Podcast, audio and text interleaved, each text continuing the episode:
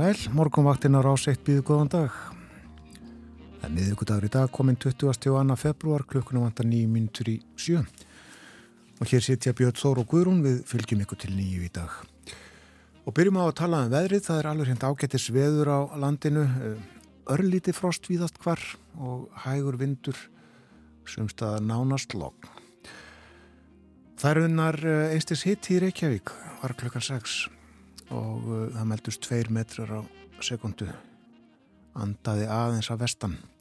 Skíjað fimmstega frost á Kvanneri tveir metrar norðanótt. Einstigs hitti í Stikishólmi og fimm metrar á sekundu skíjað í hólminum. Einstigs frost á Patrísfyrði og fjórastega frost í Bólungavík fimmstega frost á Hólmavík allstaðar hægur vindur.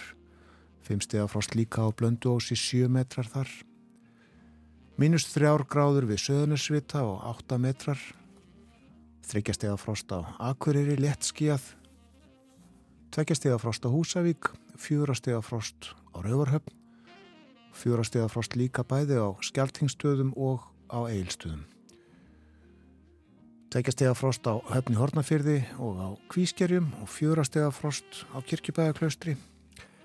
Einstirsfrost á Stórhauða í Vestmanægjum og fimmstega frost í Árnesi. Sumstaðar um, eru frosttöluðnar á hálendinu tveikjastafa, 11 steg af frostbæði á sandbúðum og uh, í veiði vatnarhaunni. Já, í dag eh, verður frost á landinu og alltaf 8 steg á lálendi en það er drag úr norðvestanáttinu sem hefur verið í nótt og það eru stöku jél á landinu. En síðtegis er spáð sunnan 5-13 metrum á sekundu og það hlínar sunnan á vestalands með slittu eða snjókomu og síða ryggningu En það bætir í vind sent í kvöld og það fyrir að snjóa um landið norðustavert. En á morgun er vona á vestan og suðvestanátt 8-15 metrum og dálitlum skúrum eða jæljum en bjarta mestu suðustalands. Og það dregur vindi eftir hádegi á morgun og hitti mér eru alltaf 6 stegum. Og það er rauninni hitti, bara spáð af fínum hitta, alltaf 7 steg að hitta á förstu dag og 9 stegum á lögadag er veðri fyrir línandi Einmitt það. Og það er uh, snjóþekja víða á vegum til dæmis á sandskeiði og helliseiði, hálka þæfingsferð á vatnaleið og uh, einni milli búða á hellna snjóþekja annar staðar á Vesturlandi. Og þæfingsferð yfir Kleifaheiði snjóþekja víða á vegum á vestfjörðum ófært í Árnesrepp það verður aðtöða með mostur þangað í dag hálka eða hálkublettir á Norðurlandi eh, þæfingsferðir fyrir Tjörnes þungfært á Hóaskarði snjóþekja víða á Norðausturlandi og hálka eða hálkublettir á Suðurlandi. Þetta eru þær tilkynningar sem eru komnar frá vegagerðinni þennan morgunin. Það er ímyndlegt á daska hjá okkur í dag. Eh, við ætlum að tala svolítið um eh, innrás rúsa í Úkrænu sletta ára á fastudaginn frá því að hún hófst. Utryggisráð þegar verður hjá okkur í dag. Við förum yfir ástand og horfur. Ætlum að líka tala um uh, föstur, fasta, margir fasta eða, já, breyta þess matræðinu allavega svona þessar vikur fyrir páska. Já, þetta er alltaf bara hluti af trú, trú okkar margra og all flestra. og það er í rauninni kannski bara ég mitt ekkert skrítið að það er náttúrulega sprengidag að vera í gær og, og þetta er ekkert íslenskt fyrirbæri. Þetta er víða um heima sem fólk borðar á sig gatt á þessum degi. Og svo náttúrulega bóludagur þannig að það er kannski ágætt að fasta í trúalegum skilningi líka að hugsa til Guðs. Meðan um þetta á eftir. Vera verður líka með okkur. Vera eitthvað og dóttir verður hér eftir morgun fréttinnar og reyfir upp söguna förum betur yfir það á eftir hvað hún ætlar að fjalla um og uh, fleira auðvita uh, við blöndum tala okkar með tónlist og uh, setjum hér fyrsta lag morgunsins á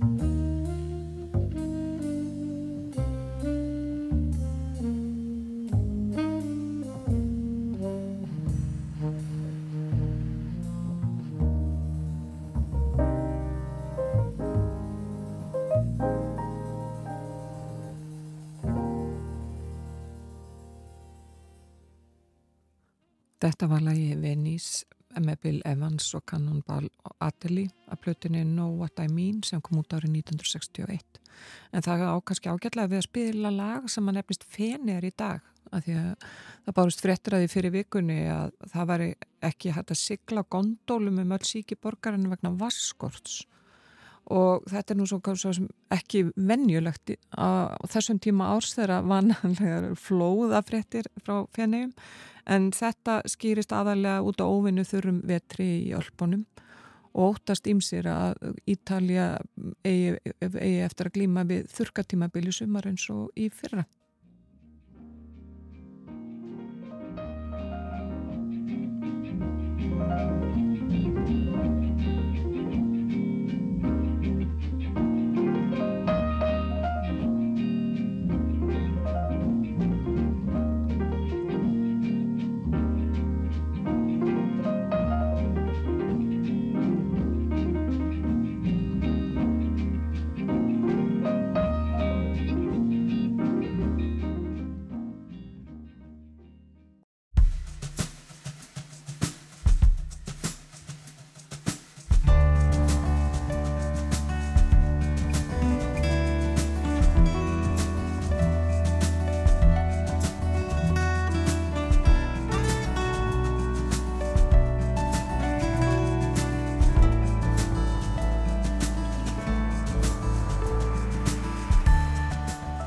Morgonvaktin helsar og býðu góðan dag. Það er miðugudagur 20. og annar februar. Öskudagur er í dag með eh, tilhyrandi búningum, söng, sælgeti og almennri gleði. Umsónum en þáttarins í dag eru Björn Þúr Sigurðsson og Guðrún Haldunadóttir. Nú á fastu dag er liðið ár síðan rússar réðust inn í Úkrænu. Og af því tilhefni kemur utanrikiðsráð þeirra Þórdís Kolbrún Ergilvadóttir í þáttin. Hún verður hér upp úr klukkan hálf nýju og við förum yfir stöðumála og horfur. Og já, það er eins og Björn sagði hér áðan, það er öskudagur í dag og þeim degi hefst langafasta og uppbrunna hennar má reykja til 40 daga fastu geðinga fyrir páska. Og það eru ímsar ástæði fyrir því að fólk ákveður að fasta til að mynda að komast í betra og nánara samband við Guðsinn. Við ræðum förstur og sitt hvað fleira við Solvögu Láru Guðmundsdóttur fyrir vendi hólabiskup upp úr klukkan halv åtta.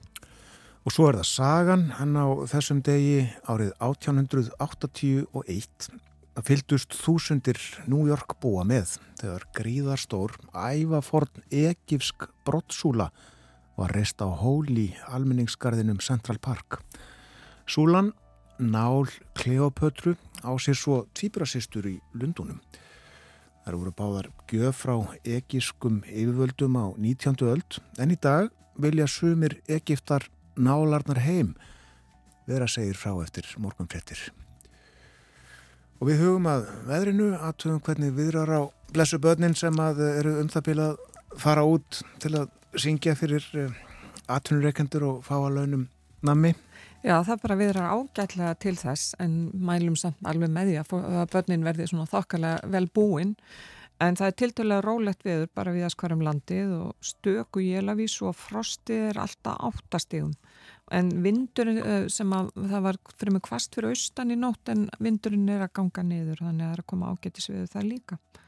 En síðdegis kemur lægð inn, frá, inn á Grænlandsaf og þá snýst í sunnan átt og alltaf 13 metrum að sekundu og það hlínar sunnan á vestalands með slittu eða snjókomu og síða regningu en sent í kvöld bæti svo í vind og þá fyrir að snjóa á norðustanverðu landinu. En á morgun er spáð vestan og suðvestan kalda eða stinniskalda og það verða dálitlega skúrir eða jél og bjarta mestu suðustalands en eftir hádegi dregur og vindi og hittin verður alltaf 60. Það verður lítið ekkert um frost held ég almennt á landinu á morgun. Og vegir almennt færir uh, ófært þó norður í Árnesrepp á aðtöða með mókstur á þeim vegi í dag en viða hálka og uh, sömstaðar þæfingsfærð og raunar þungfært á norðausturhorninu. Við lítum í blöðin, byrjum á morgunblæðinu og þar er fymdálka mynd sem að tekja mér á hlýðarenda í gær. Valsmenn mættu þar frönsku liði X í Evróputildinni í handbólta og höfðu betur skoruðu 40 mörg fengi á sig 31 og valsmenn eru komnir áfram upp úr riðlinum sínum í þessari Evrópuketni komnir í 16 liða úslitt, skemmtilegur og góður árangur hjá þeim hlýðaranda piltum. En uh, verkfallsmál til umfjöldunar í stóru fréttinni á fossíðu morgunbladsins loka þúsund hótelherbryggjum segir hér í fyrirsögn. Verkfall eblingar farin að bitna á ferðarþjónustinni. Skellt í lás á fjórum hótelum. Það var gert í gær. Það er rætt hérna við eh, Kristófer Óliversson. Hann er formaður félags fyrirtækja í hótel og gisti þjónustu. Hann segir þetta er ótrúlega staða að standa framifyrir. Við erum nýbúin að opna hótelin eftir tveggja ára lokun vegna heimsfaraldus og að það sé farið á okkur aftur er þingra en tárum takki og uh, hann segir að uh, opnun fjölda hjálpa miðstöðar hljóti að vera til skoðunar uh, þegar kemur á því að enn fleiri hótelum þurfum við að loka. Ekki sé auðvelt að stöðva för gestana komið þeirra til landsins hann segir hérna stóru bókunavélarnar gef okkur ekki upplýsingar þannig að við getum haft beint samband við gestina það er haldaðin fyrir sig til að geta selt gestunum frekari þjónustu Þannig að það er óvist hvort hægt sé að láta gesti vita á lókunum. Sérstakt. Svo er sagt hérna frá því að eh, ríkið kefti landsnett með kúluláni. Lífur í sjöðunir vilja hluti fyrirtækinu. Og uh, fórsýðum mynd frettablasins var tekin að múlakaffi í gær þar sem að uh, saltkjöttið var reitt fram í strídum ströymum, dýrindi saltkjött og bönir á sprengideginum. En uh, hér á fórsíðunni er uh, hluti af samtali frettablasins við Harald Þór Jónsson, hann er sveitastjóri skeiða og núbveri reps og hann vil að tryggt verði með lögum að virkjanir skili tekjum til þeirra svæða þar sem orkan verður til og segir nýlega gögg sína að tap sveitafélagsins af orkuframlegslu hlaupi á 20 miljóna með landsvirkjun Mali Gull Við erum með nýlega greiningu KPMG í höndunum, segir Haraldur Þór og hún sínir að tekju samfélagsins koma allar til frádráttar í gegnum jöfnasjóð. Þannig hafi landsvirkjum greitt 240 miljónir í formi fastegnagjaldar til sveitafélagsins, skeiða og gnúberi hreps á síðast ári. En skerðing komi á móti og hún hljóðar upp á 270 miljónir. Og þessu vill hann breyta. Það eru sjö virkjanir í skeiða og knúburirreppi kannaði þetta Vassfell, Sigalda Hraunægafoss, Búðarháls Sultartangi og Búrfell 1 og 2 og vindmilur að auki en eh, ekki mikið upp úr þess að hafa þegar allt er tekið saman. Samt eh, 240 miljónir en svo koma þá á móti skerðingar frá jöfnunarsjóðun nú eh, það er líka rætt hérna við eh, heiðu Hilmistóttur borgarfulltrú á forman sambands íslenskra sveitafélaga það hefur komið fram að komið til verkbans atkvæða greiðslu það líkur síðan þessi dag að þá fær eflingafólk ekki útborgað þó það sé ekki í verkfalli. Og hér segir óljóst er hvernig þúsundir eflingafólks eigi að framfleta sér í bóðuðu verkbanni samtaka atvinnlýfsins framfæslu skilda er á sveitafélugum Eh, en eh, hún tekur aðeins gildi sé fólk komið í mjög alvarlega stöðu. Og eh, þessi málrætt við heiðu sem að segir það væri þá ekki nema í kjölfar hamfara á vinnumarkaði þar sem fólk væri án framleiðslu í lengri tíma sem að það geti reitt sig á aðstóð frá sveitafélagun og talandi um sveitafélög tveir nýju sveitastjórar voru ráðnir í gær. Það er heita báðar Jóna. Annars vegar Jóna Árni sem var ráðin e, bæjastjóri ferðarbyðar og hins vegar, hins vegar Ragnheður Jóna Ingimarsdóttir hún var ráðin sveitastjóri Þingaðarsveitar þetta var svona það helsta sem við draugum fram úr blöðunum.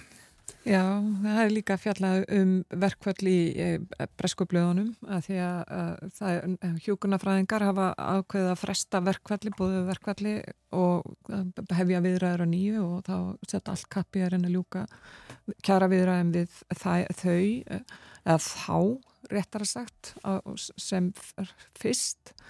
En svo er annað sem er mjög áberandi í breskupleðunum í dag og það er umfjöllun um vöruskort.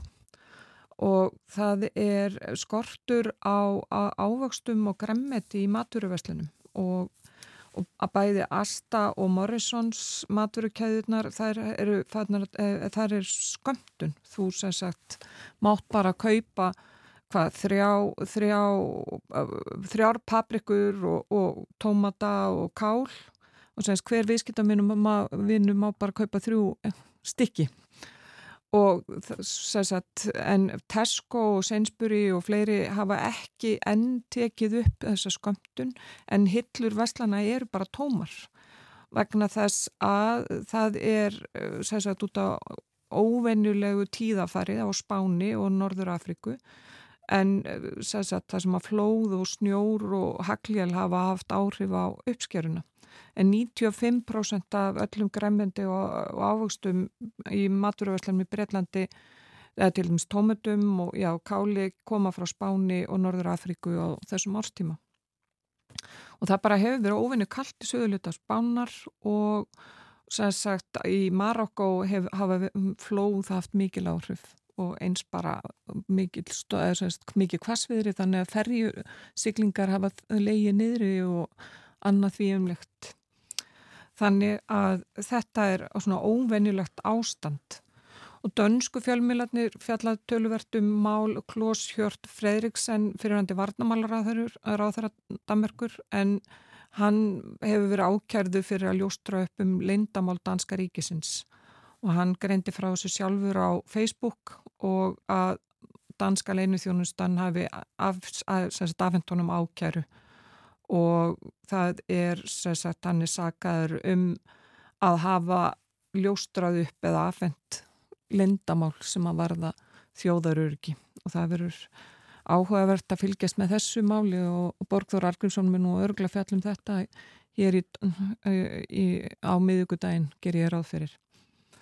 Og svo er, hefur við ekki aðtekli þetta með bladamanna á Washington Post, þessi ákverðun Kevin McCarthy, þingflósformans republikana og fórsetta fulltrúa delta bandarækjathings að aðfenda Tucker Carlson þáttastjónda Fox News enga aðganga myndefnur og öryggismyndaviljum þingsins frá 7. janúar 2021 en Carlson hefur einmitt gert í rauninni lítið úr þeim óerðum sem að urðu við þing bandarska þinghúsið og þann dag og McCarthy neytar að tjásu um þessu ákvörðun sína sem ásir raunin enga hliðstæðu segir Wuston Post en Karlsson greindi frá þessu sjálfur í þættinum þætti sínum á mándaskvöldi en fimm létust í þessari árás á þinghúsið og 140 lagana verðir særðust þegar þeir voru barðir með flaggstöngum og spröyta í augaða með bjarnarúða og hafnaboltakilfum og öðrum vopnum beinta lörglu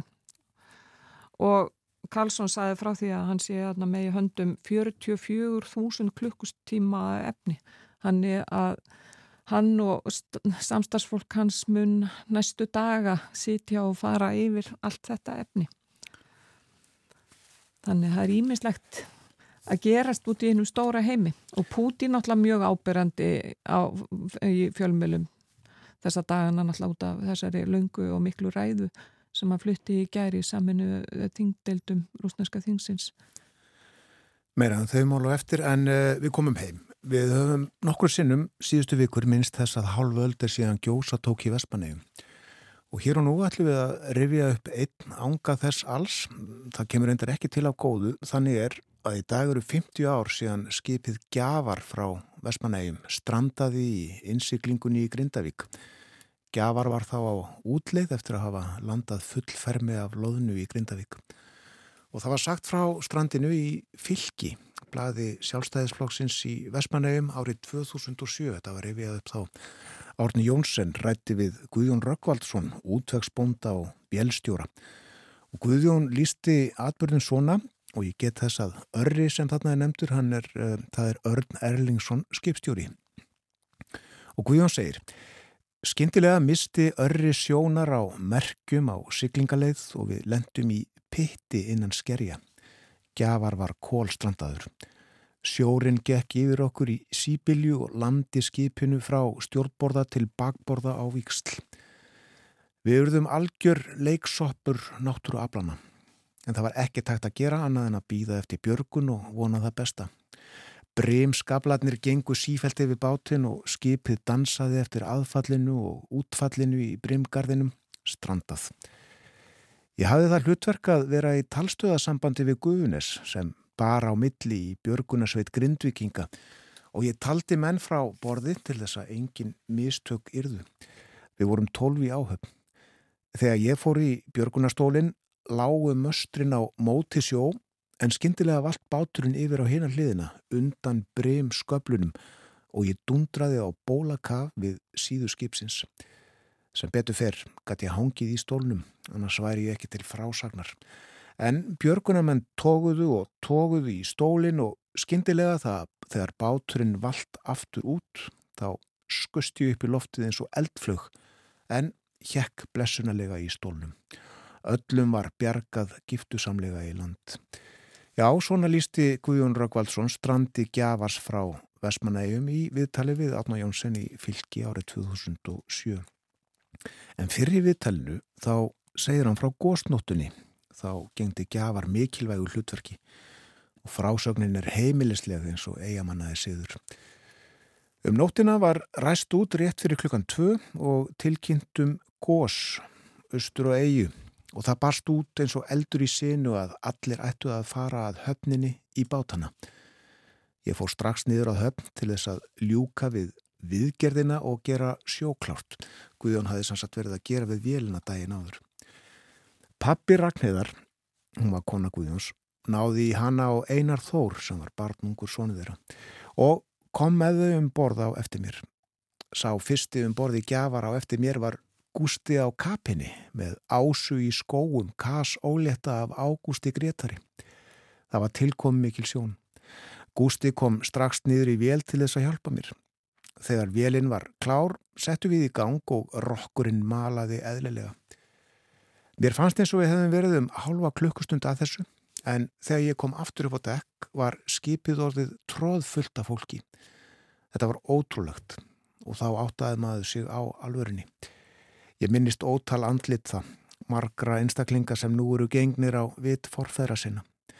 Skipið var orðið svo smekkfullt að við verðum að sleppa og dóla frá bryggjunni til þess að fólk færi í aðra báta líka. Hilmar Rós var skipstjórin og það var lagt í hann til þorlóksatnar. Það var allstaðar fólk í nótakassanum, það svaf í vélarrýminu, á dekkinu, allstaðar.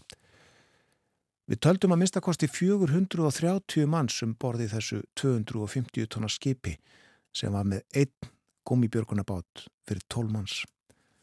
Það var byllandi sjóveiki um borð, ekkert til að plastbókum fyrir þá sjóveiku en við notuðum potta, fötur, koppa og kyrnur og allir vaskar voru fullir af ælu. Þetta var skjálfilegt en svona var raunveruleikin. Það var tekið vel á mót okkur í Þorlásöfn og fólk var feið landtökunni úr sneisa fullum bátnum. Við fórum síðan aftur til eiga að sækja fleira fólk og vorum komnir þangað undir hátegi. Það var fáment á bryggjunum, aðeins pappi og Jón í Berjanessi. Jón hefði skindilega hætt við að fara til lands fyrir um nóttina vegna þess að amma í Hlýðardal átti tólf kindur og Jón vildi ekki skilja þær einar eftir. Þegar pappi sá Jón stökka í land, stökkan á eftir honum því að vildi ekki að Jón þið einn eftir. Þannig er þetta sæfélag okkar eigamanna sem betur fyrr. Kindurna voru í kofa við Vestmannabraut 65 því þá var þetta heimilislegt og menn höfðu rollur við heimahús eins og þau gera ennþá í færiðum. Pappi og Jón reyndu að hleypa kindunum út og vildu koma þeim eitthvað út á eigu en þær vildu sig hvergi hreyfa, skinnjuðu að ekki var allt með feldu og vildu halda sig við kofansinn. Já, svona lísti Guðjón Röggvaldsson útagsbóndi og velstjóri kostnóttinni 1973. En það ríkti ekki logmódla frá góðsnótt og að strandinu við Grindavík mánuði síðar. Gjafar helt til loðnuveiða fyrir Östaland. Við rótfiskuðum og lönduðum úr nokkrum túrum þanga til allar hafnir fyrir Östan voru orðnar fullar af loðnu, rifjar Guðjón upp. En það var svo 11. februar sem að sjöstjarnan frá Keflavík sökk úti fyrir Suðuströnd landsins. Leki kom að skipinu. Skipstjórin sendi út neyðarkall og áhöfnin komst í björgunabáta. Vittlust veður var, öll tiltæk skip og bátar fóru til leitar og gjafar þar á meðal. Guðjón lísti verinu þannig að ekki var hægt að snúa skipinu við í veður hamnum. Það var ekki hægt að snúa upp í ölduna. Við leituðum í sólarhing en sáum í rauninni aldrei út úr augum. Það fannst aldrei tangurni tetur af sjöstjörnunni en við vorum þakkláttir fyrir að lifa leitina af.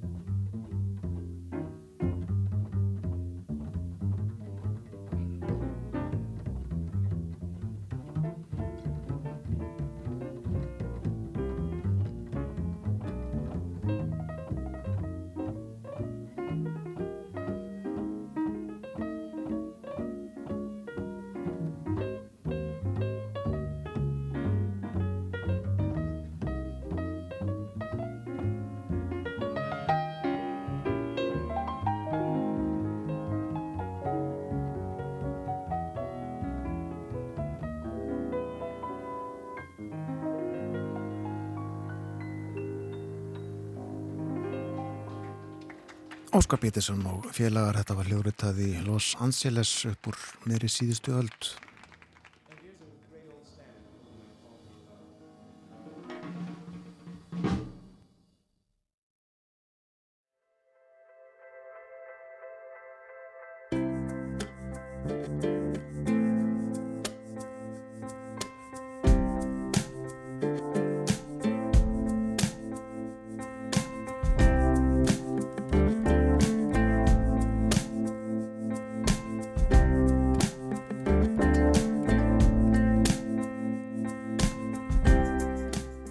hlusta á morgunvaktina á rásitt klukkan núna réttliðilega hálf átta. Það er miðugudagur í dag komin 20. og 2. februar. Og ímislegt framöndan hjá okkur ég minni á að utaríkisráð þeirra verður hér eftir klukkustund, klukkan hálf nýju. Þórtís Kolbrunar Gilvadóttir allar að tala við okkur um innrás rúsa í Úkrænu að réttæft ár síðan að hún hófst. Og við ræðum um málið vítt og breytt. Svo minn ég á að vera illuadótti verðu með okkur eftir morgunfréttinnar klukkan átta.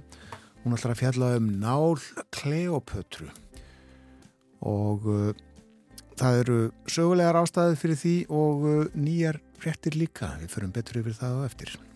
En nú er komið að tala um föstur, en föstur er hluta hefðum ímis að trúabræða og hjá kristnum hefst langa fasta í dag og geðingar fasta í 40 daga fyrir páska. Í Íslam höfum við Ramadan sem er nýjöndi mánuðurinn í dagatæli múslima og hann er helgaður förstu en Ramadan hefstemitt eftir mánuð og henni líkur 20. april. En hvernig höldu við förstuna núna? Neitu við okkur í rauninu um eitthvað, eitthvað, eitthvað tíma? Solveig Laura Guðmustóttir fyrir hendu hólabiskup er á línunni. Sæl og blessu Solveig. Góðan daginn. Góðan dag. Þú ert stött í útlöndum. Já. Ég, ég stödd á eiginu minni, Lagomera, sem að þetta er í áttundaskipti sem við heimsækjum þessa eigu og hún er náttúrulega alveg dásamlega, dásamlegt lindarmál, þannig að það ætti kannski ekki verið að tala um hana í útvarfi. en þetta er eina kannar í eigunum? Já, hún er sem sagt hérna í svona klukkutíma bátsferð frá Tenerife og hér kemur fólk aðalega bara til þess að ganga. Þetta er svona fjallgöngu eiga. Já, já, já. Er ekki gott viður hjá ykkur? Jú, það er að byrja að byrsta hérna núna og uh, mér sýnist alveg verið heiðskilt og það er svona alltaf í morgunsári kannski svona 17-18 steg að hitti og svo fer það svona skrýða yfir 20 þegar líður á daginn. Þetta ljómart aldrei vel. En við ætlum að, heldur betur, en við ætlum að ræða förstur og jafnvel eitthvað um karnivöl líka. En, en natna, langa fasta, hún hefst í dag. Það er fastan sem er hefst í dag lang, við erum með sem sagt bæði nýjvikna fastu og sjövikna fastu samkvæmt Kristinni höfð og uh, það er sem sagt fastan sem er hefst í dag, langa fasta, hún hófst fyrir svo sem eins og tveimu vikum eða svo. Yeah. og uh, það er sem sagt, hún hefst á, fastan hefst á fastu á, á, á öskudaginn. Og uh, það er svona undanfari hennar sem að þessa kjötkvæði hátýr eru og eru náttúrulega kannski frægust í Rio de Janeiro en, en uh, eru mjög víta annar staðri í, í, í katholskun löndum. Og við uh, höfum nú verið hér ofta á, á einmitt þessum degi og, og uh, það er nú ekki hér í Valegran Rey þar sem við búum en, en í San Sebastian sem er höfuborg eigarinnar þar eru miklar skrúgöngur og þar eru mjög svona fjölskyldvænar og og fólk fjölskyldu ganga saman og allir klæði sér upp þannig að þetta er ekki bara einhver svona badnadagur og ekki, ekki heldur sko svona algjör fulloninsdagur eins og mm. til dæmis Mardi Gras hátiðin í, í New Orleans þar sem við líka verið stundum á, á þessum tíma. Þar er það meira svona djam, eh, skrúgöngur, fólk er í langan tíma undirbúið sig og er mikið, mikið fyllir í og og svona, eh, já, eins kannski líkar af því sem er í, í Rio de Janeiro. Já. En þetta er alltaf ótrúlega, hérna, skett, eða þannig svona óvenjulegi síður, þetta skulle halda svona lengi vegna þess að í raun og veru held ég að þess að þjóðir sé í raun og veru alls ekkert að fasta eins og gert var hérna áður fyrr. Þegar var verið að hverja kjötið og svo borðaði fólk ekki kjött fram að fram að páskum og þá náttúrulega kom Íslandingum mjög vel hérna í gamla daga þegar við seldum saltfiskinn til Portugal þá, þá hérna jógst mikið saltfisksalan þegar, þegar að fastan byrjaði.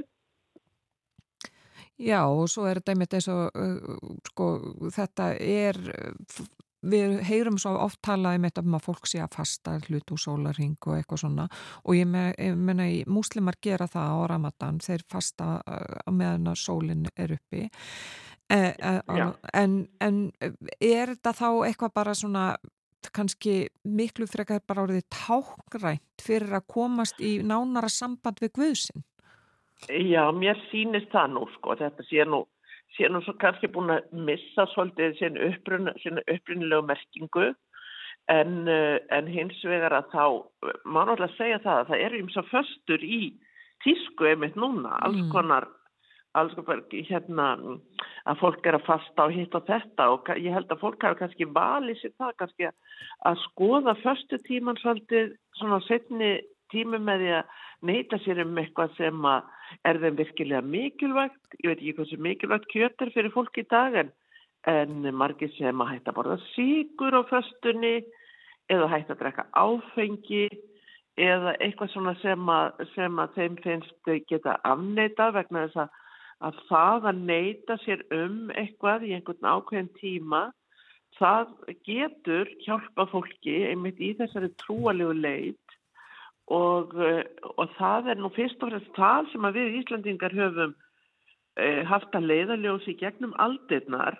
Það er eh, að íhuga, íhuga þjáningu Krist á þessum tíma og það er fyrst og fremst Passjusholma, Hallgrís Péturssona sem hafa hjálpað okkur við það.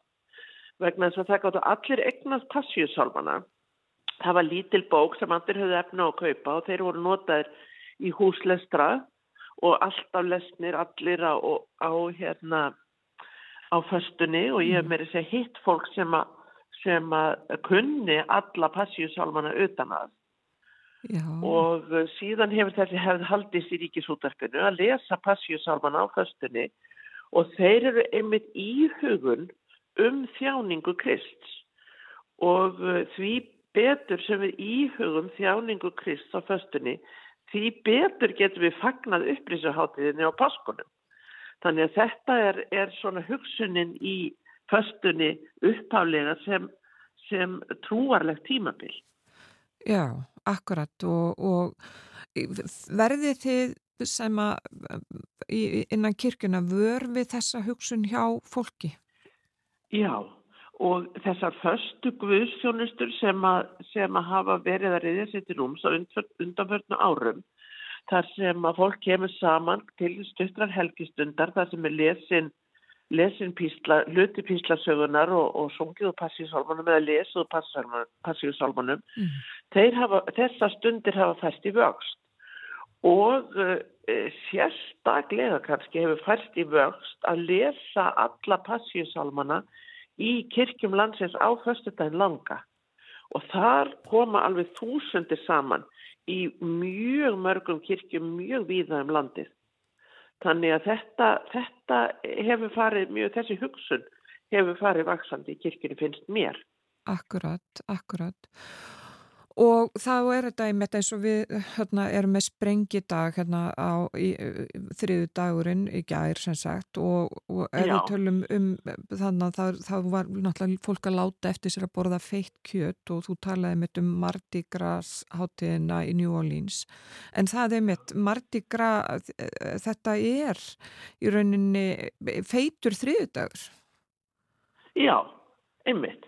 Þannig að þetta, þarna, þetta er sko þetta er í raun og veru kjötkvæðju hottíð. Já. Þannig að þetta er raun og veru að byrjaði upp að feit meti áður og ferða fasta. Akkurat.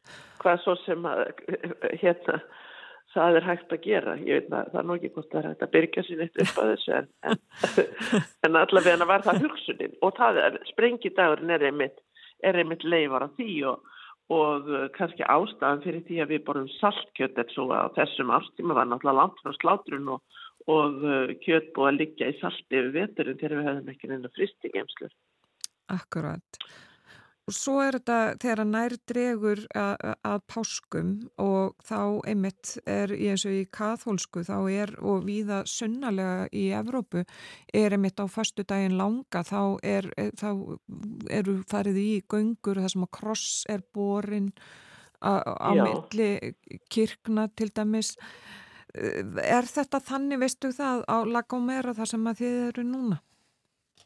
Við höfum ekki verið hér um páska, mm. þannig að ég veit það ekki, en þeir eru mjög hérna, skrúðgöngu gladir hér og við höfum verið sko í, hérna, í San Sebastian, við vonum þar einsni í trjá mánuði mm.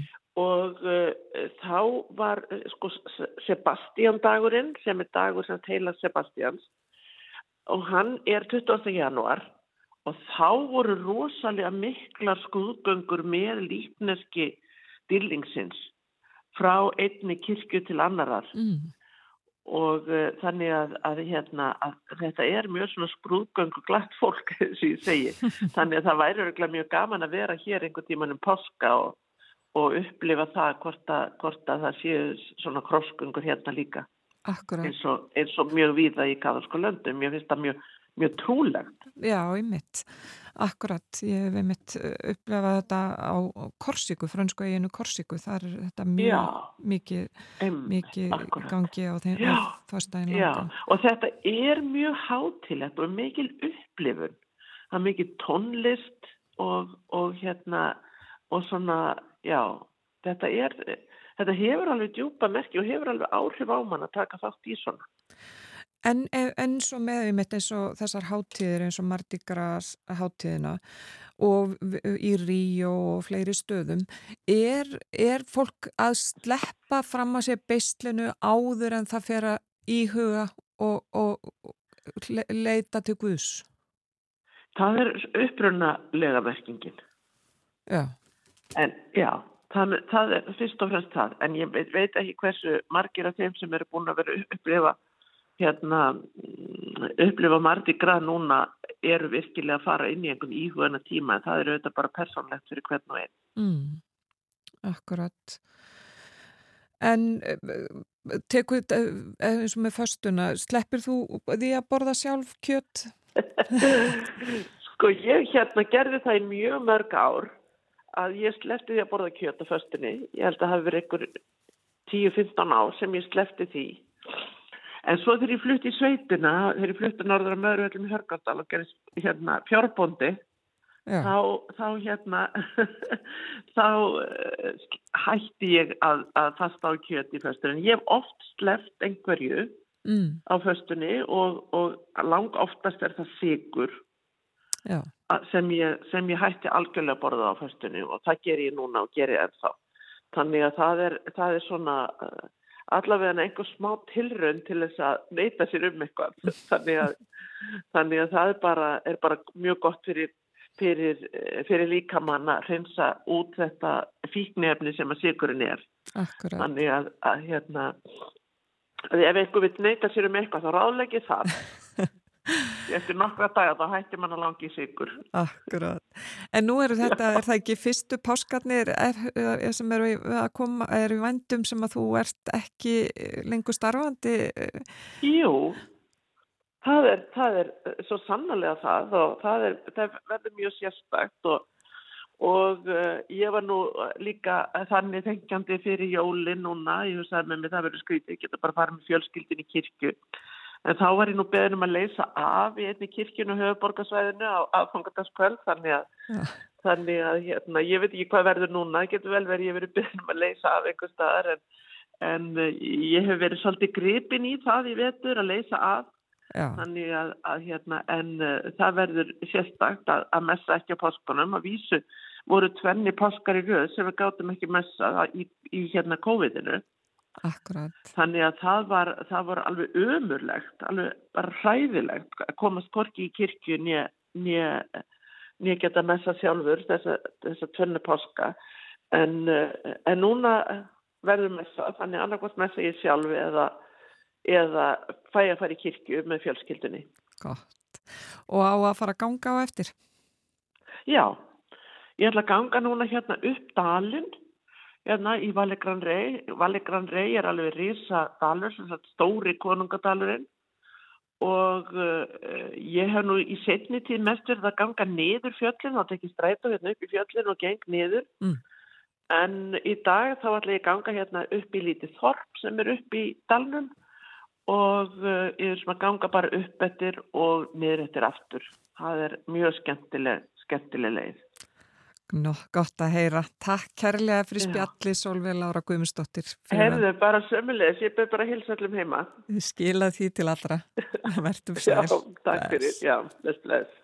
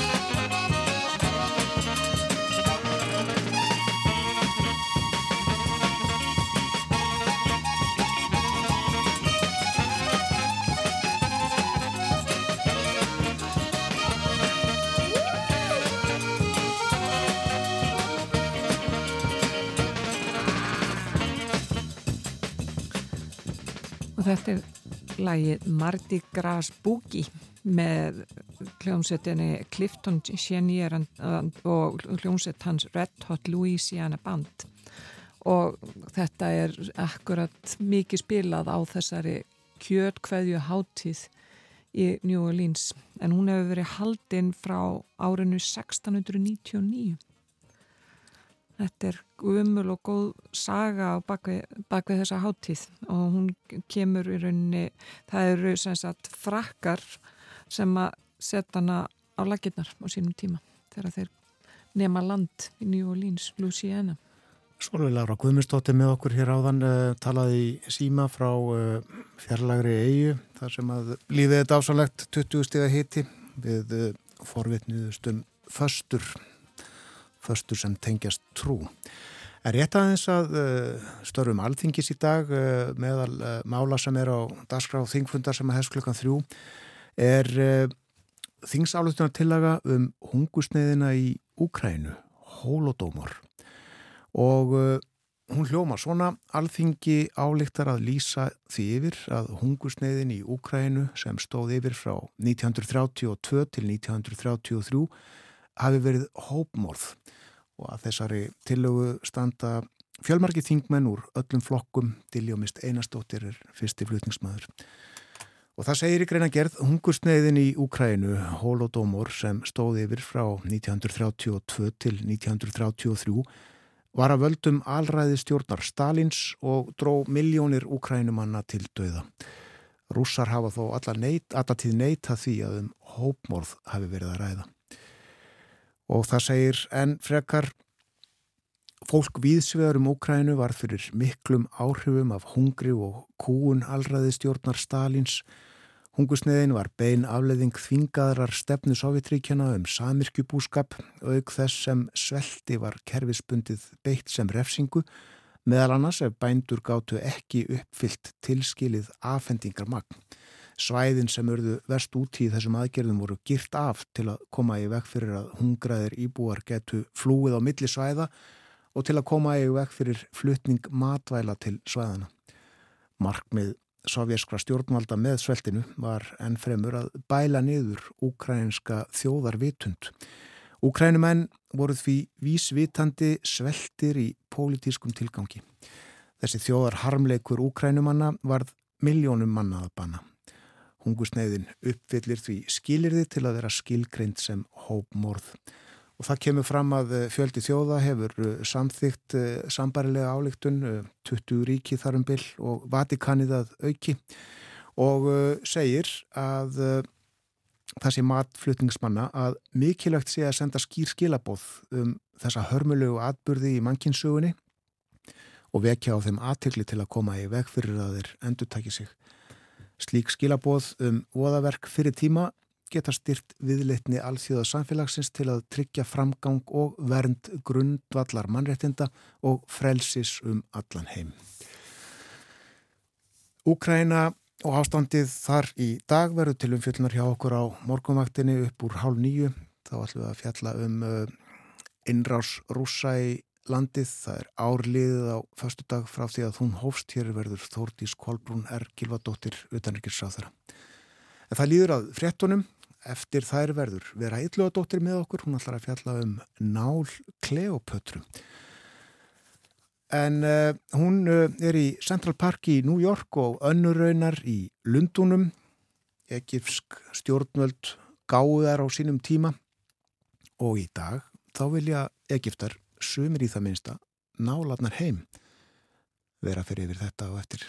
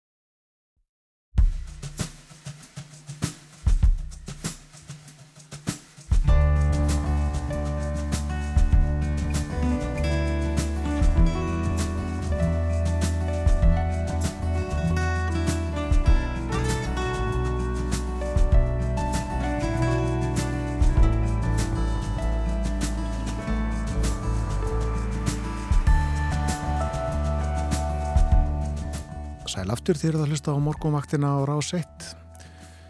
Miðugudagurinn 22. februar í dag. Ösku dagur. Mm -hmm. Má ekki gleyma því. Ertu búin að sauma póka? Ég er ekki búin að sauma póka.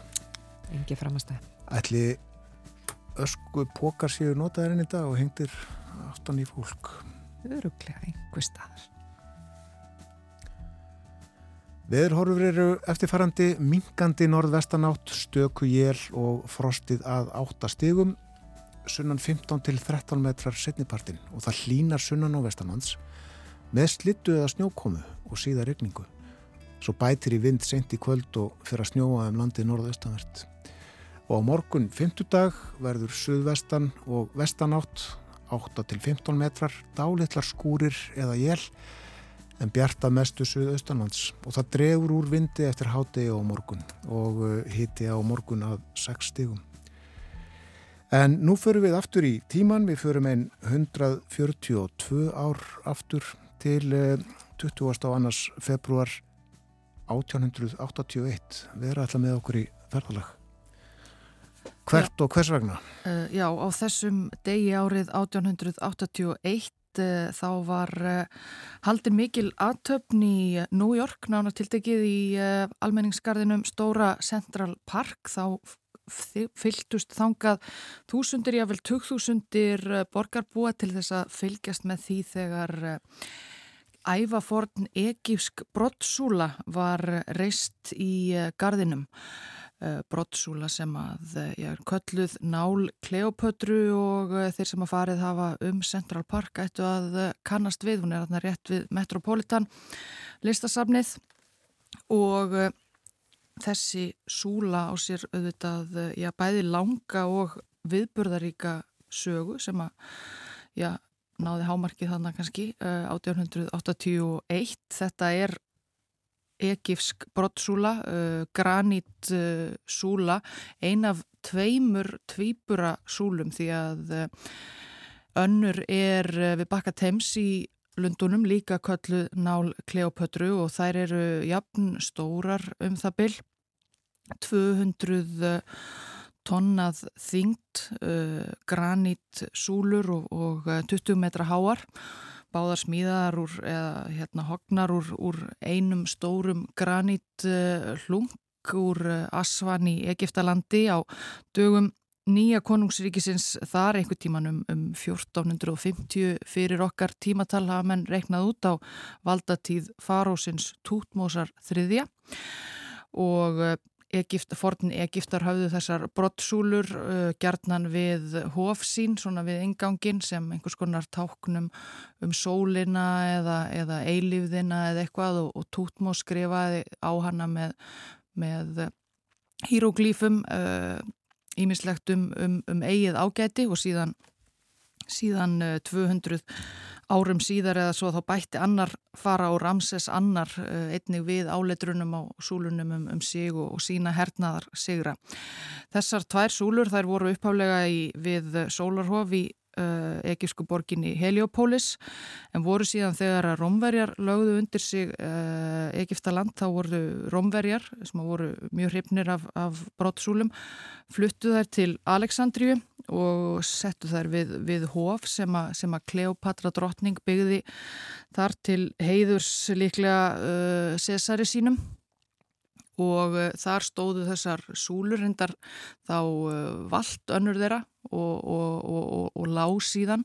Það er uh, ekki ekki mjög auðvelt að reysa þessar, þessar nýþungu brottsúlur við. Þannig að hún lág þarna. Og í já, uh, aldir alveg fram á 19. öld uh, þegar þær komast aftur svona í umræðu þessar tvær súlur, það er árið 1819 sem að þáverandi leðtói í Egistalands, Muhammed Ali hann ákveður að gefa Breitlandi, aðra súluna, reyndar þá sem að lág flött til þess að minnast Sigurs Nelsons flótafóringja á, á flóta Napoleons úti fyrir ströndum í Egiptalands 1801 og breytar þökkuðu svona pent fyrir þessa gjöf þá en, en gerðu ekkert til þess að koma henni til Breitlands að því hún er ju 200 uh, tonna þingd og, og það er því rándýrt sá ráðamenn í London fyrir sér. Þannig að það var ekki fyrir en 1867 að, að breskur herfóringi James Edward Alexander ferðaðist uh, til Parísar og sér að þar hafa frakkar uh, komið sér upp uh, sinni eigin brottsúlu sem þeir líka fengu frá, frá að gjöf frá Egiptum Luxorsúlan sem er á Plastela Concord og þessi Alexander villu þetta ekki að breyta sér minni menn og fer að beita sér fyrir því að, að, að, að það sé náð í bresku súluna sem að liggur þannig í Alexandriu og hann fær að lokum Eh, auðugan lækni vinsinn til þess að kosta hann að flutning, tók hann tíu ára að finna einhver til að borga þannig að 1877 er ráðist í að flytja súlurna þetta mun allt saman hafa kostað 10.000 pund eða, eða meir en miljón pund á, á núverði og eh, það er þannig gert að það er í raun og veru smíðað ut, utan um súluna eins og, eins og risastór vindlahólkur uh, járn sívalningur sem að síðan uh, var, var drey, uh, búið til eins konar sérsmíðað skipi kringum sem að síðan var, var dreyið af öðru skipi allarleið frá Aleksandriju til Lunduna og uh, þetta, þetta sérsmíðað skip lendi í, í, í vandræðum í, í Biskæjaflóa þá druknuðu sex sjómenn sem að, sem að syldu með og, og súlan losnaði frá uh, dráttarskipinu og fór bara, a, a, fór bara eitthvað út í, út buskan og töldu þá margir að, að uh, hún myndi bara sökka en, en, en fannst síðan hérna, á reki í Biskæjaflóa nokkur síðar og annað skip sem að, dróð það síðan og, og skilaði til, til uh, Lunduna var fjóra mánuði á þessari, á þessari siglingu en var síðan reist uh, 21. janúar 1878 uh, við, þarna, við bakka Thames. Já. Mikið fyrir, svo haft mikil fyrirhöfnu kostaði gríðarháar fjárhæðir og mannslíf og ekki. Já og uh, Þarna undir, má nefna það að undir uh, breskusúlunni þar er svona tímahylki frá árinu 1878 sem eru þetta ekki hægt að, ekki hægt að ná í nema eitthvað, eitthvað katastrófist komið fyrir súluna. Þar mun vera uh, meðal annars vindlaboks og pýpur, uh, tjakkur, lóð og leikföng, bresk mynd, mynda Viktorju drotningu, biblía og almanak og, og dagblöð og síðan uh, ljósmyndir af tolf fegustu konum Englands uh, árið 1878. Ég veit nú ekki hvernig það var ákveðið.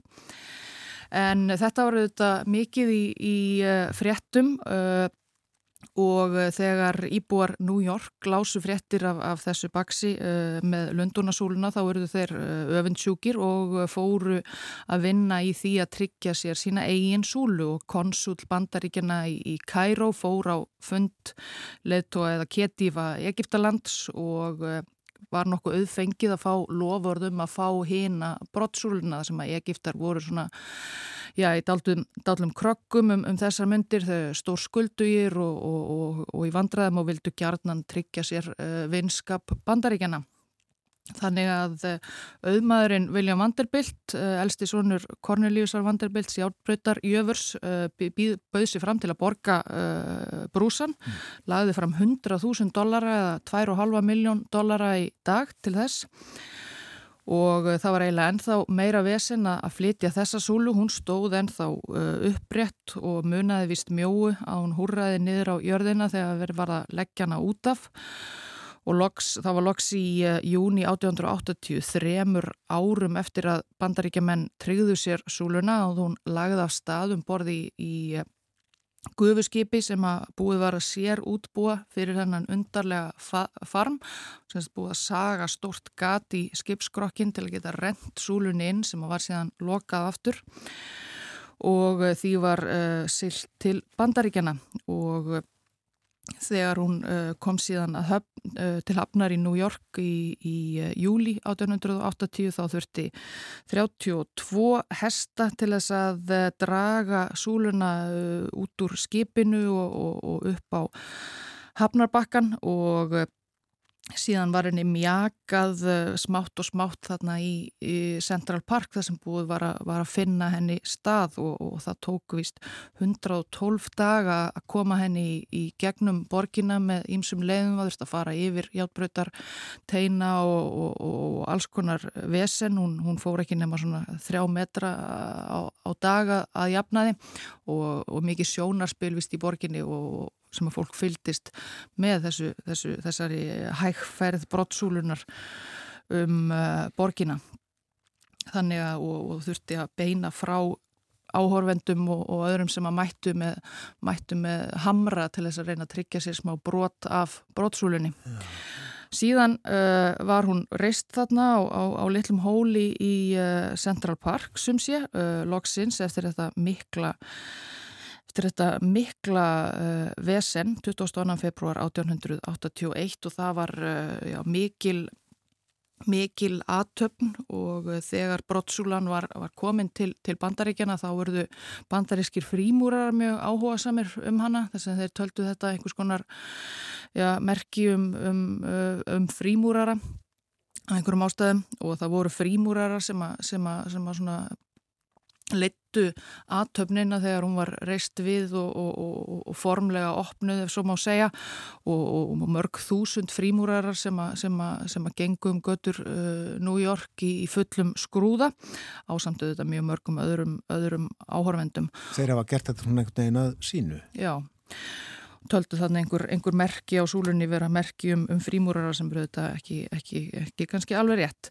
En uh, þarna má einni finna uh, undir henni má einni finna uh, tímahilki, þar er mantal bandaríkjana frá 1870 orðabók, biblía sjálfstæðis yfirlýsing bandaríkjana að, að sjálfsögðu handbókum Egiptaland og, og öll heildarverk Shakespeare's og síðan er uh, einhver askja sömu leiðis sem að einna þeim mönnum sem að, sem að vanna því að koma súlunni til, til uh, New York setti þar undir og, og, hefur, og gaf aldrei upp hvað væri í, í þeirri öskju. Eini, og enga myndir af konum undir þessari? Uh, ekki svo ég viti nema hann hafi sett myndir af, af konum þar í. Mm.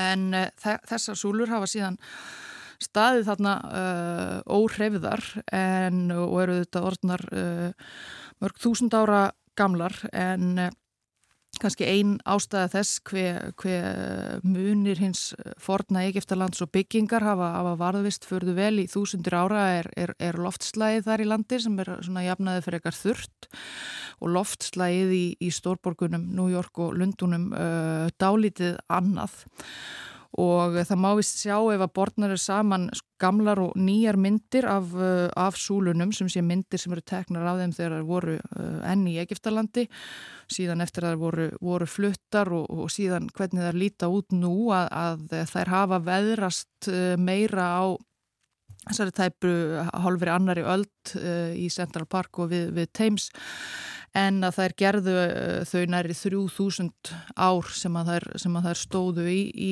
Egiptalandi og uh, egiskir fordlega fræðingar hafa nú svona viðrað áhyggjur af þessu og sakað bæði borgar yfirvöld í uh, London og New York um að, um að sinna ekki súlunum.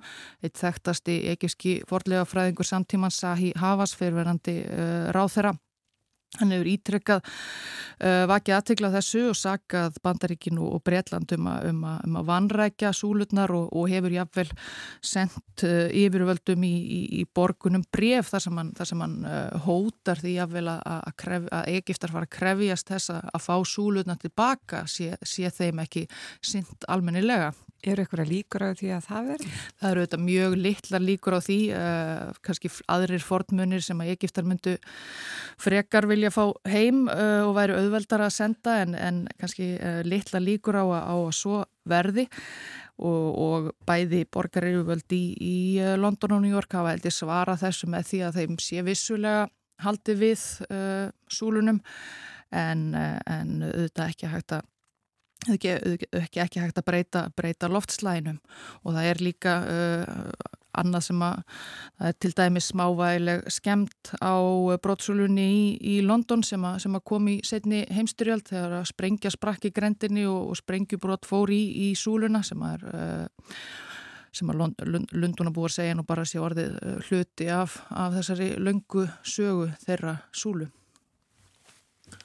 Það var óg, uh, já, uh, gamalt auðvitað teginlegt hugtak en þegar við tölum eitthvað um gamalt Egipta þá er það æfa, æfa, æfa fórnt. Æfa fórnt, þetta eru marg þúsundir ára sem, að, sem að eru þar í spilinu. Einmitt.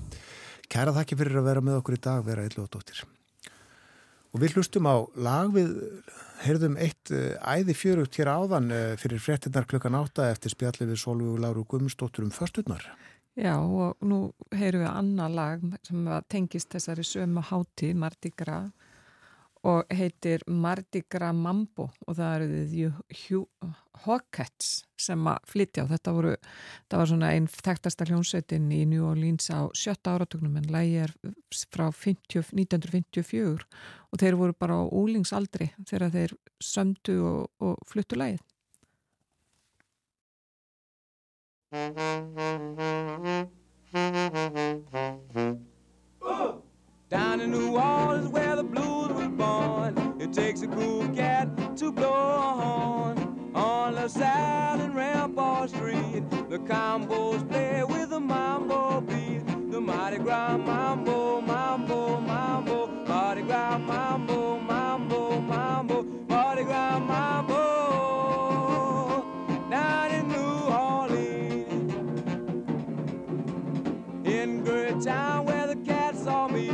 the Mardi Gras mambo with the beat. Shout and cheer for the Zulu King and truck on down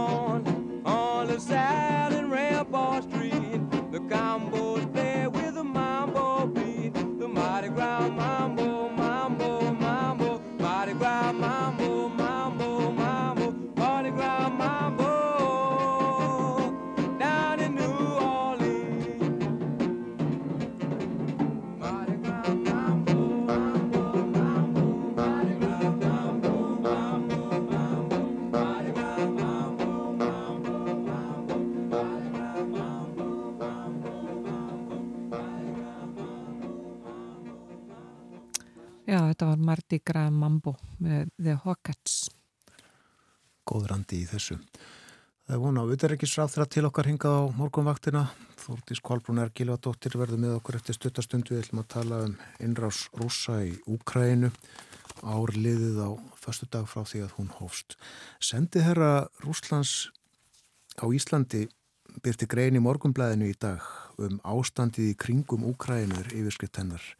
Mikael Noskov heitir hann og hún hefst á þessum orðum frá 24. februar 2022 hefur Rúsland staðið að sérstökum hernaðar aðgerðum til að afherrvæða og afnasista væða Úkrænu.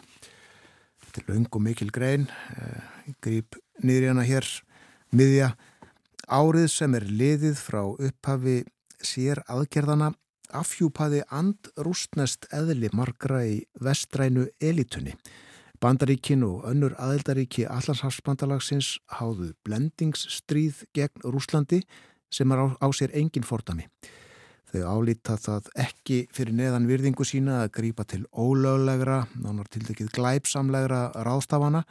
Það er að segja að stela fjármálaegnum rúsneskra einstaklinga og lögaðila Eðilegja sam-evróst orkuverkefni sem Rústland fjármagnaði að mestu leiti og sá fyrir auðlindum, hóta rúsneskum stjórnmálmönnum, bladamönnum og aðgerasinnum hvetja til vopnaðara árása innan landamæra Rúslands bera upplognar og falsaðar sakir um stríðsklæpi á rúsneska hermenn og svo framvegis.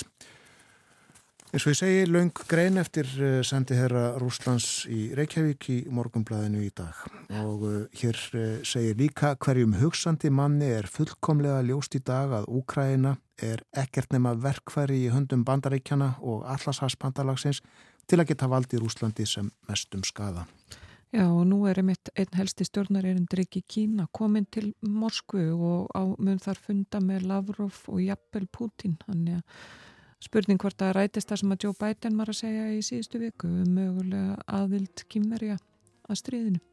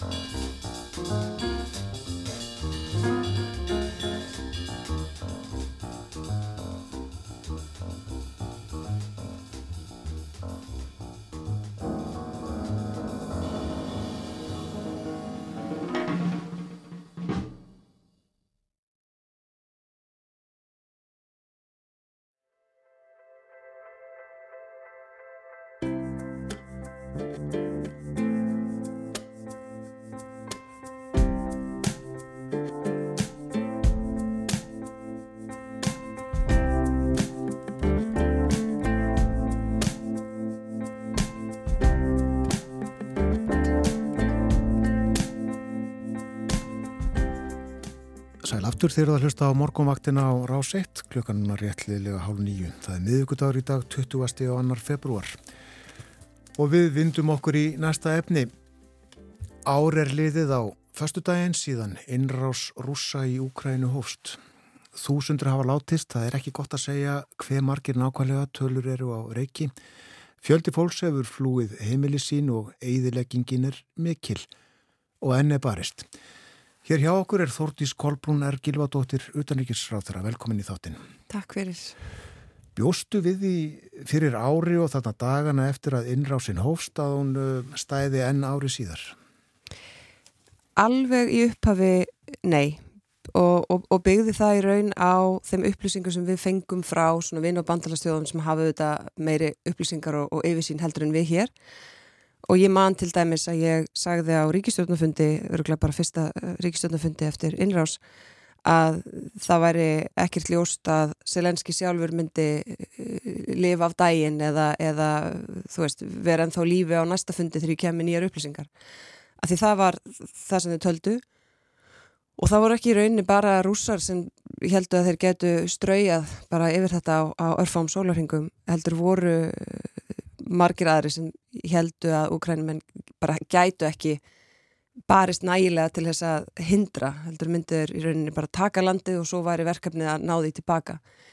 En ég man líka eftir samtölum nokkru dögum fyrir innrás, þar sem að svona þeirra helstu nágrannar og, og helstu og svona mestu bandamenn í, í orði og gjörðum eins og Eistarsaldsríkinn voru mjög hörð á því að segja, herðu, þú veist, auðvitaðmunið berjast. Ég meina, það er búið að, búið að byggja upp þeirra herundafarin ár til þess að geta, þú veist, búið sundi þetta og voru alveg grjóthörði því. Og það er það sem reyndist rétt, alveg eins og það reyndist rétt það sem þau hafðu sjálf vara við í öll þessi ár, sem segir mér að, að hérna, maður kaupir ekki alla vittnesku með, með mannfyldanum og greiningadeildunum þó þar séu góðar, stundum bara, veist, það eru er ákveðinlönd sem þekkja sinn ágrana betur heldur en margir aðrir og, og ég held að ættum ekki að, að gleima því.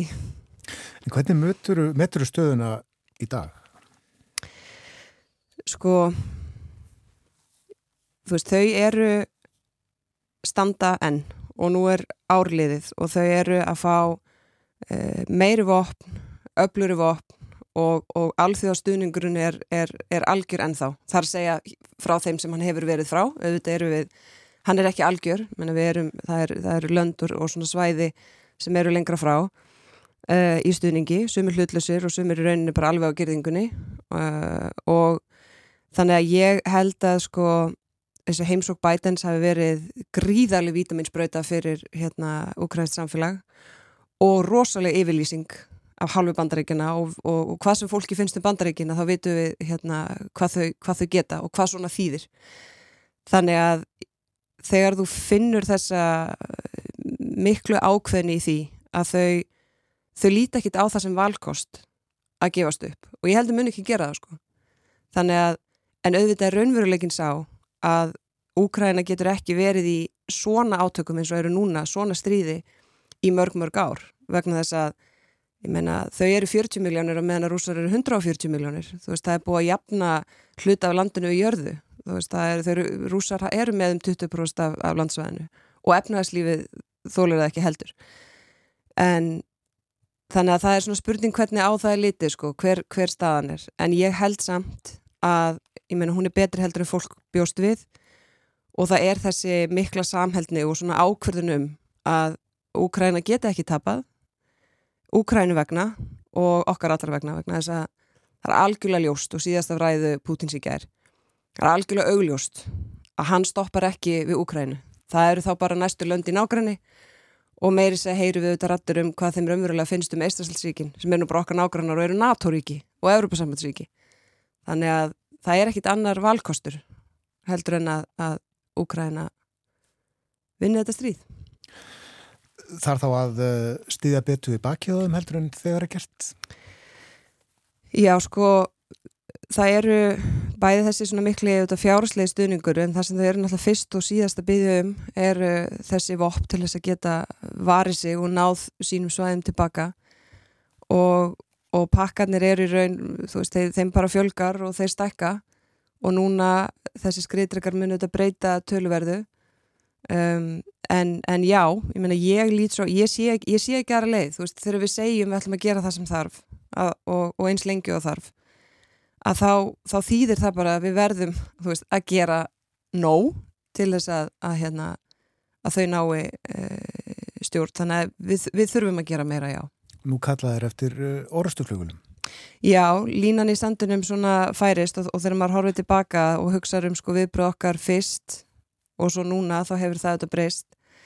Uh, í þessu að þá hérna auðvitað er, eru við sem sko Ísland ekki með gríðarlega stórar yfirlýsingar vegna þess að við erum ekki það, það er lítið sem við getum gert.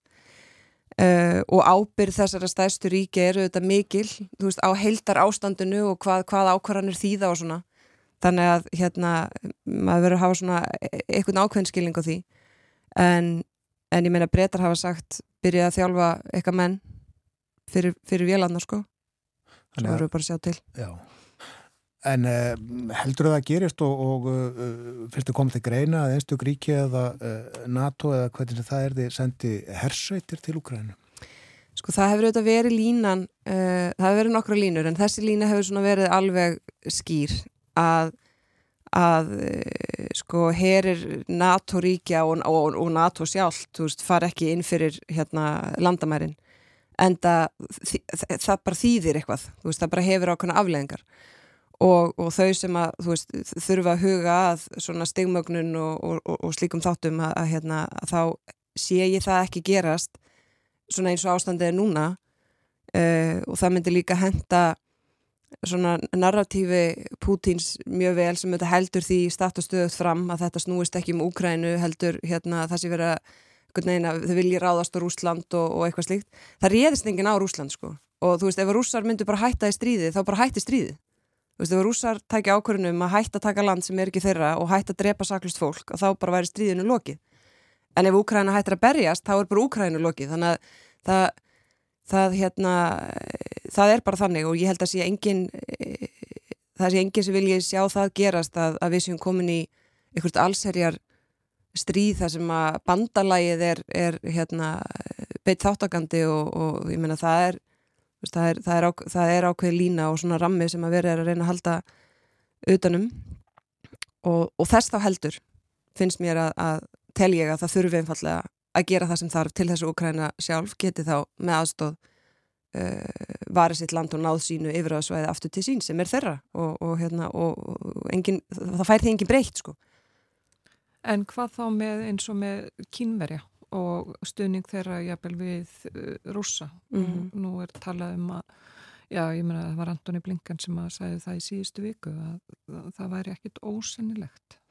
Já, það er gríðalegt áhugjefni að, að heyra þennan tón sem að hefur svona farið lengra út í það að menn telji líkur á því að þeir muni taka eitthvað skref sem að veist, allir hafa reynda að halda þeim bestvarið þetta er myndu segja beint að þeir hérna, forða með stríða, þeir halda því alltaf til haga að þeir á nú sé alveg aldrei ráðust inn í lönd og, og hérna, landamæri sín og þeim er mikilvæg og eitthvað svona, en geta samt ekki sagt að þegar að, að ríki þver brítur þær reglur að þá sé það eitthvað til að fordama sem að maður hefði haldið eftir ekki vera svona flókið. Uh, og, og þessar svona það hvað þetta er orðið svona þess meira loðið eða blörri, það er, það er gríðalegt áhugjefni og Blinken segir þetta ekki að einhvern veginn ástæðu lausu sko. Um, og það eru svona einhverjar meiningar um hvort að hann sé að fara í heimsokk til Moskvu og, og svona. Þannig að uh, þar segja sí. Uh, þannig að ég meina það myndi það myndi hafa gríðarlegar afleðingar uh, ef að það gerist. Ég meina burðir Kína eru bara slíkir að, að það, myndi, það myndi breyta leiknum uh, mjög til þess að vera ef að það verður.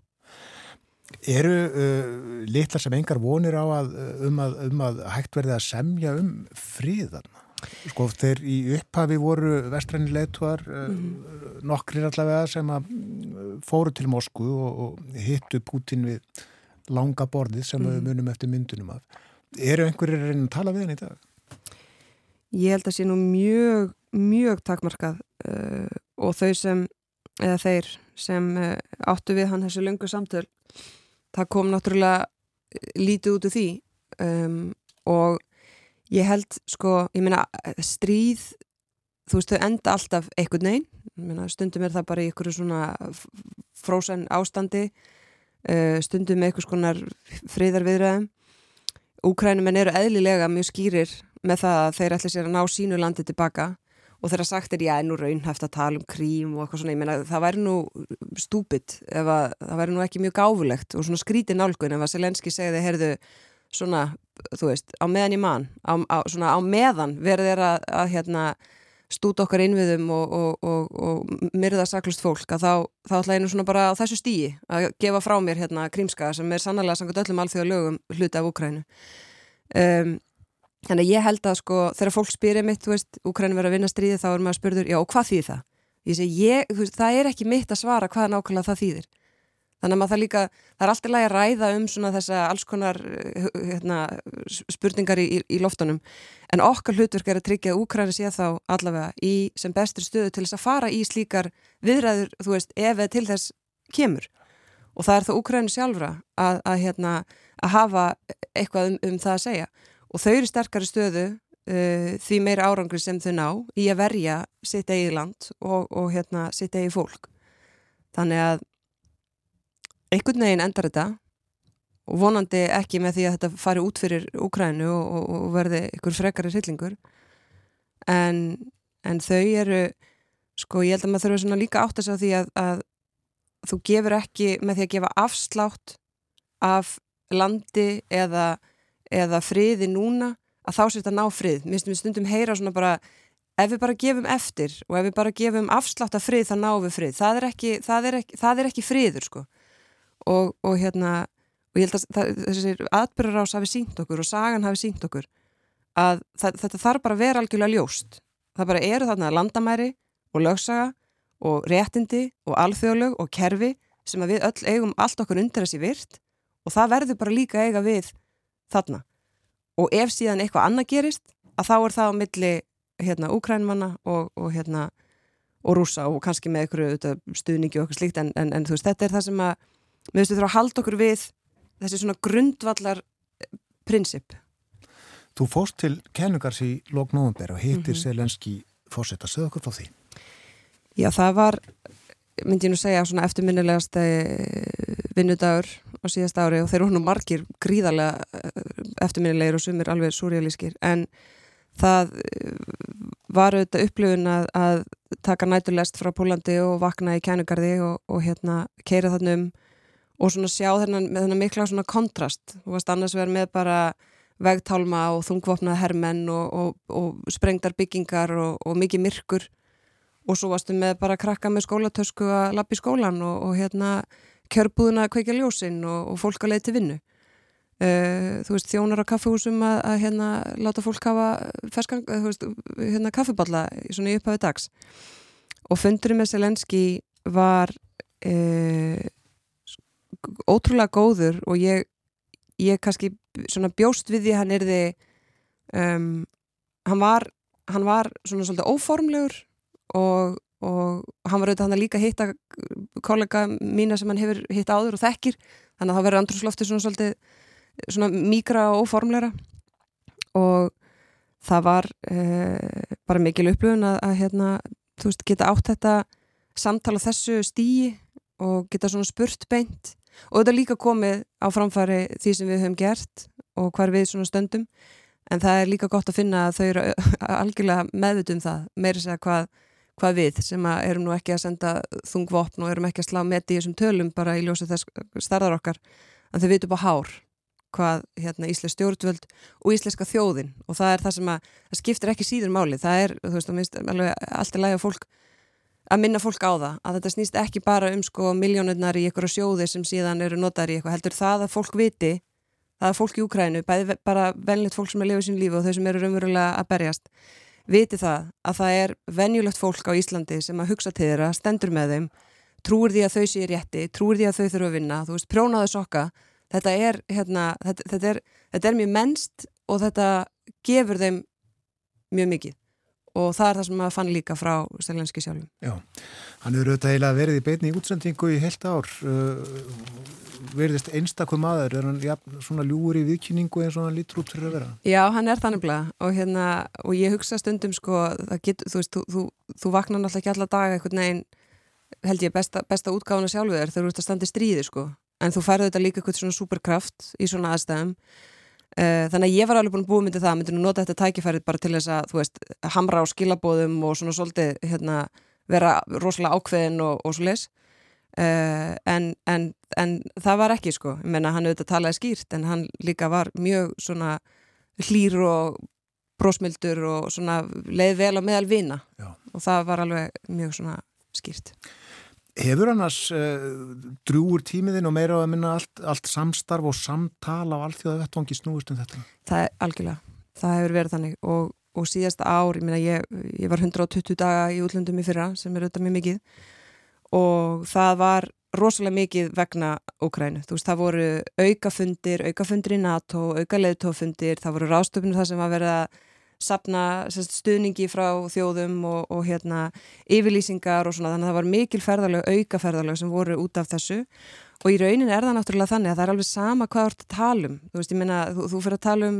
norðslóðamál og norðskvöldsráðið. Það, það, það hverfist um þetta ástand og jáfnveil þú fyrir að tala um sko, og bara mannréttindamál almennt þú fyrir að tala um sko, þegar ég er með þróunasamfunnu hattin að þá, að þá meiri segja sko, þarftu bæði notur tækifæri til þess að, að tengja það að þetta snýst ekki um, um vesturlönd, þetta stríð, ég menna hérna, við eigum all undir því að, að, að sko alþjóðalög séu virt og kerfi saminuð þjóðan að sé eitthvað sem við ætlum að haldi í og þar eiga auðvitað hinn svæðin líka allt sitt undir. Þannig að það er alveg sama hvað maður er að tala um að, en, en já, langmestur tími hefur farið þetta og ég held að þótt þetta ár verði öðruvísi en 2022 þá held ég að það verði samt það sama. Það var kallaðum tíma uh, eftir slitum á stjórnmálasambandi við uh, Rúsland og eða, eða brottvikningu rúslandska sendiðherrans frá Íslandi. Var slíkt einhvern tíma rætt eða kom til greina þinni hálfu? Já, já, ég hérna, hvað ég að segja ég skil þessar vangaveltur mjög vel og ég skil þegar fólk spyr sig einhvern veginn hvernig má það vera að hann siti hér bara í sínu húsi og, og sé einhvern veginn hérna í okkar samfélagi þegar við erum að einangra Rúsland allstaðar hvar sem við getum.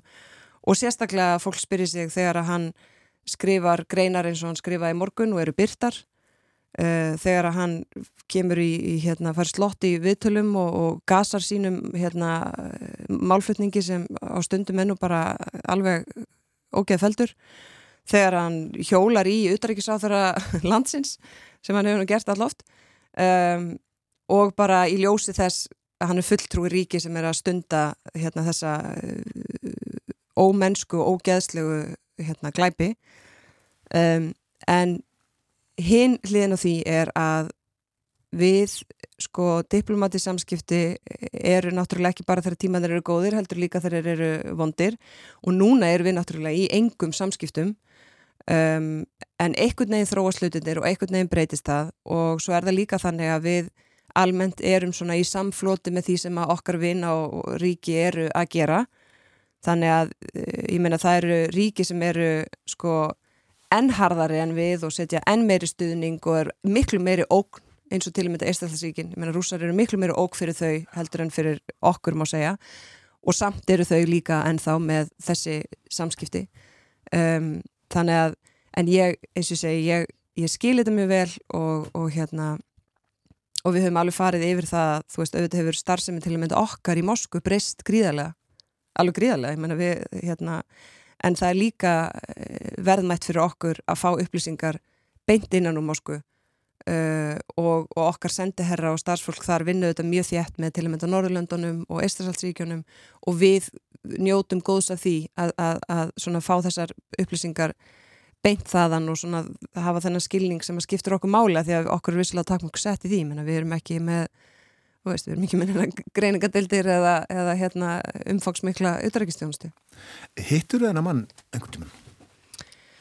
Uh, ég hef ekki hitt hann frá því rúsar ákvaðu að hef ég þetta tilkvæmsleisa stríð.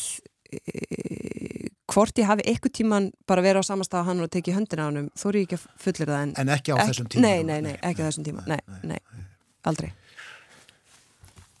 Þú uh, ert að leið til Strasborgar, er það ekki á morgun? Jú, já segð okkur frá því sem að þar fer fram núna Já. næstu tvo sólarhenga eða svo. Þar er, hérna, er ég að fara í, í, í kraftu þess að við erum með formönsku núna í, í hérna, eh, ráþara nefndinni í Evróbráðinu og þess vegna leiði tófundurinn hérna í mæ uh, og tímasetningin er í raun vegna þessari tímamóta að ársi liðið frá þessari, þessu þessari alg, sem fúlskeil uh, algjöru innrás. Maður má ekki gleyma því að þeir þetta ríðast fyrst inn árið 2014 og, og búin að vera það síðan. Um, þannig að það eru það eru viðbyrðir þar og ég er þar með ræðu og það er svona aðtöfn um, og annað til þess að, að það sem að Evróp ráðið er að, að hérna uh, nota þennan dag til þess að, að segja skýrt okkar afstöðu og svo eru mínu kollegar flestir eða mjög margir í New York um, í tilefni þessa dags. Þannig að ráðnættistjórin eh, minn fór þanga fyrir mínu hönd að þeim að getur, því miður ekki vera á taumustöðum í einu, ég hefði mjög vilja vera þar að þar, þar verður líka held ég mjög svona tákræn tákræn sending uh, og tákræn aðtöfnu í, í, í tilefni dagsins.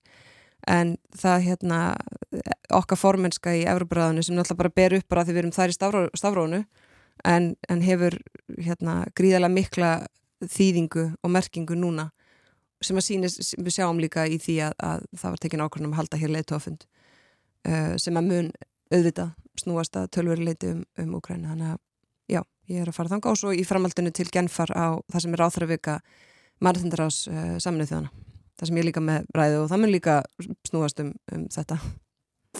Hvað ætlar að gera í dag? Í dag er ég að fara hérna, það er þingflokksfundur og, og ég er að fara eh, án og fund með fulltrúa hérna kínverska, kínverska kommunistaflokksins reyndar líka. Um, og ég er að funda líka með fjármálar á þar um fjármála áætlun sem er nú verður reysa, reysa mál fyrir okkur að, að hérna, lenda því. Þannig að núna er svona domestik dagur í, í, í raðanitinu Það er nóg að gera Já, það er nú að gera. Þakkaði fyrir að uh, byrja þennan dag með okkur hér á morgunvaktinu ára ás 1. Mína ánægum, takk fyrir að bóða mig.